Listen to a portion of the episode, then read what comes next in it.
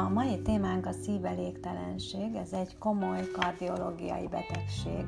Rendkívül gyakori, a felnőtt lakosság 2-2,5 százalékát érinti, de előfordulása időskorban akár 10 százalékot is elérhet. Ezért is tartjuk és tartom fontosnak azt, hogy egy rövid tájékoztató készüljön laikusoknak. A terápiás eszközkészlet az utóbbi évtizedekben rohamosan fejlődött, egyre több terápiás lehetőség áll rendelkezésre, melyek enyhíthetik a tüneteket és lassíthatják a szívelégtelenség súlyosbodását.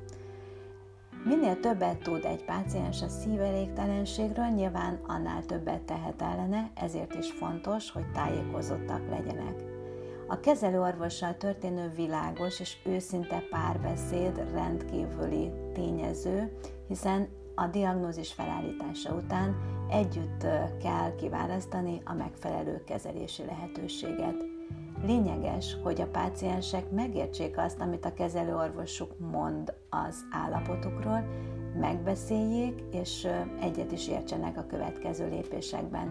Ezért hangsúlyozom, hogy ha bármilyen kérdése van, forduljon bizalommal a kezelőorvosához. Mikor is beszélünk szívelégtelenségről? A szívelégtelenség a szív működésének egy olyan zavara, amelynek során a szívből percenként pumpált vérmennyisége nem elegendő a szervezet oxigén és tápanyag szükségletének biztosítására. A szívelégtelenség egy klinikai tünetegyüttes, melynek része a nyugalmi vagy fizikai terhelés hatására fellépő nehéz légzés, illetve fáradékonyság, továbbá a folyadék visszatartás következményeként esetleg megjelenő ödéma és bokaduzanat, ami különböző mértékű lehet, kisfokban eh, nagyon-nagyon gyakran jelentkezik a pácienseknél.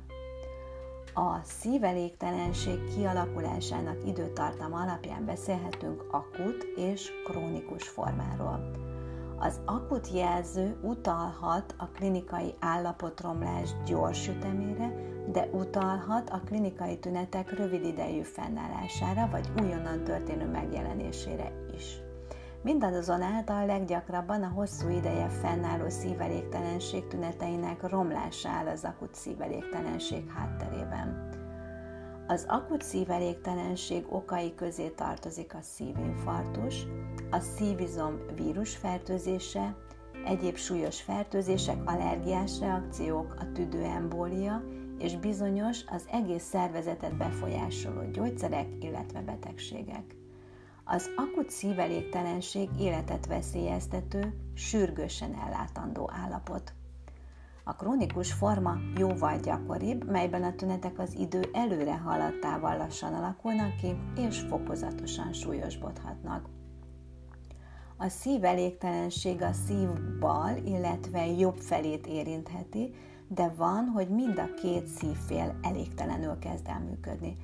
Általában a szívelégtelenség a bal szívfélen kezdődik, elsősorban a bal kamra, ez a szív fő pumpáló egysége érintett. A jobb kamra elégtelenség leggyakrabban a bal szívfél elégtelenségének a következménye, de attól függetlenül is kialakulhat.